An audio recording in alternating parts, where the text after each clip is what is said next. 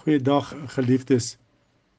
Ek het uit verskeie oorde 'n stemboodskap ontvang van 'n prediker wat in die lig van Openbaring 13 vers 16 tot 18 waarsku teen die gebruik van die COVID-19 inenting en die gebruik daarvan as 'n verbond met Satan beskryf. En bespreking van hierdie stemboodskap uit Openbaring 13 oorheers die manne WhatsApp groep al vanaf Maandag. In Openbaring 13 vers 16 en 17 staan: Hy, net dis hierdie dier, 'n sataniese dier verplig al die mense, klein en groot, ryk en arm, vryes en slawe om 'n merk op hulle regterhand of op hulle voorkop te dra en laat niemand toe om te koop of te verkoop nie behalwe die mense wat die merk het. Ehm um, die merk is die naam van die dier of die getal van sy naam. Hierdie teks is vir baie predikers die gunsteling teks om vir mense te probeer oortuig dat hierdie woorde na die entstof teen koronavirus te verwys. Hoe moet ons dit verstaan? Ek kan nie hier 'n volledige studie gee van Openbaring 13 nie, maar wil graag net 'n paar punte uitlig hoe om die gedeelte te verstaan. Eerstens is dit baie belangrik dat ons sal besef dat die boek Openbaring in 'n sekere literatuurvorm geskryf is, naamlik profeties apokaliptiese literatuurvorm. Nou hierdie literatuurvorm is geskryf in sterk simboliese taal. Getalle, kleure en voorwerpe het dieper betekenisse. So gee Jesus vir ons in die eerste hoofstuk van Openbaring die sleutel hoe om die boek Openbaring te verstaan.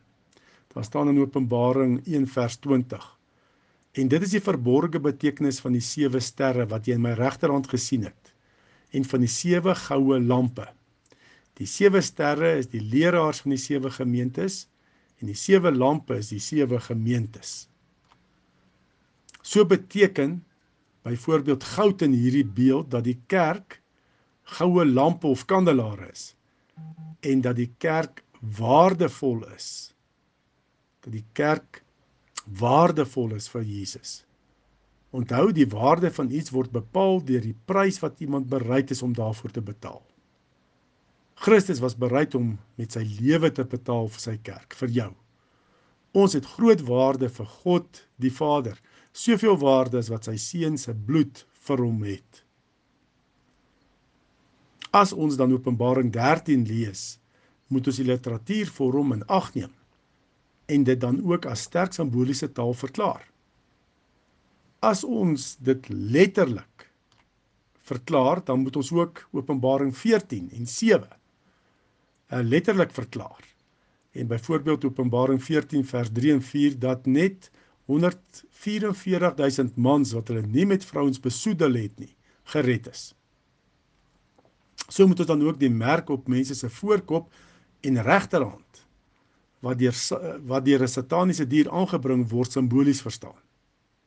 Dit wys op die navolgers van die anti-kris dat hulle hulle lojaliteit aan die bose met hulle denke, nê, voorkop en lewenswyse regterhand gewy het. Hierdie figuurlike verklaring hang saam met die simboliese verstaan van Openbaring 7 vers 4 wat die verseeling van die gelowiges as God se eiendom beskryf. Daar staan Openbaring 7 vers 4: Ek die getal gehoor van die wat gemerk is. Daar was 144000. Hulle was uit elke stam van die volk Israel.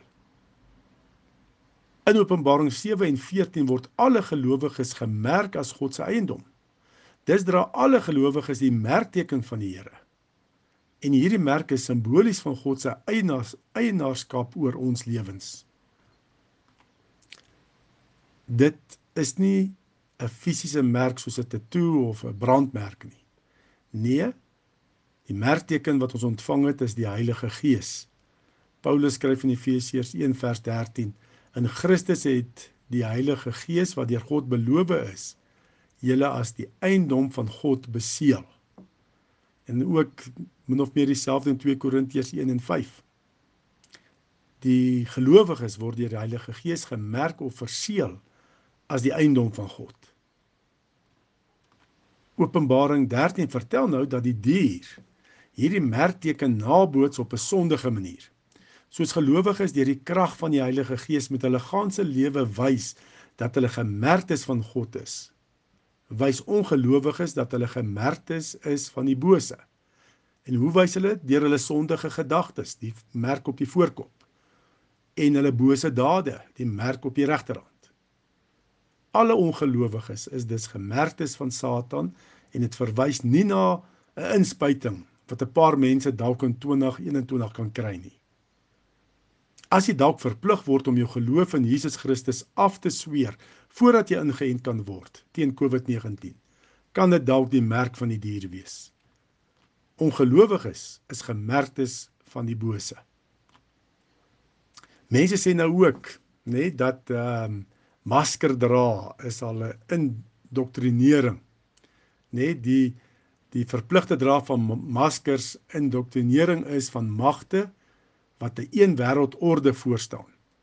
Want jy kan nie in winkels iets gaan koop of verkoop as jy nie 'n masker dra nie.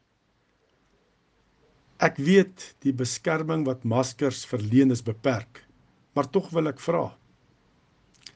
As iemand met TB naby jou staan en hoes, sal jy verkies dat hy dat hy en jy maskers aan het of sonder maskers wees?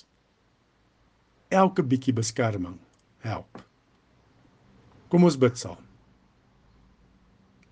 Here Heilige Gees, breek die woord vir ons oop dat ons sal weet wat die waarheid in Christus is. Want die waarheid in Christus maak ons vry van paniek en vreesagtigheid. Amen.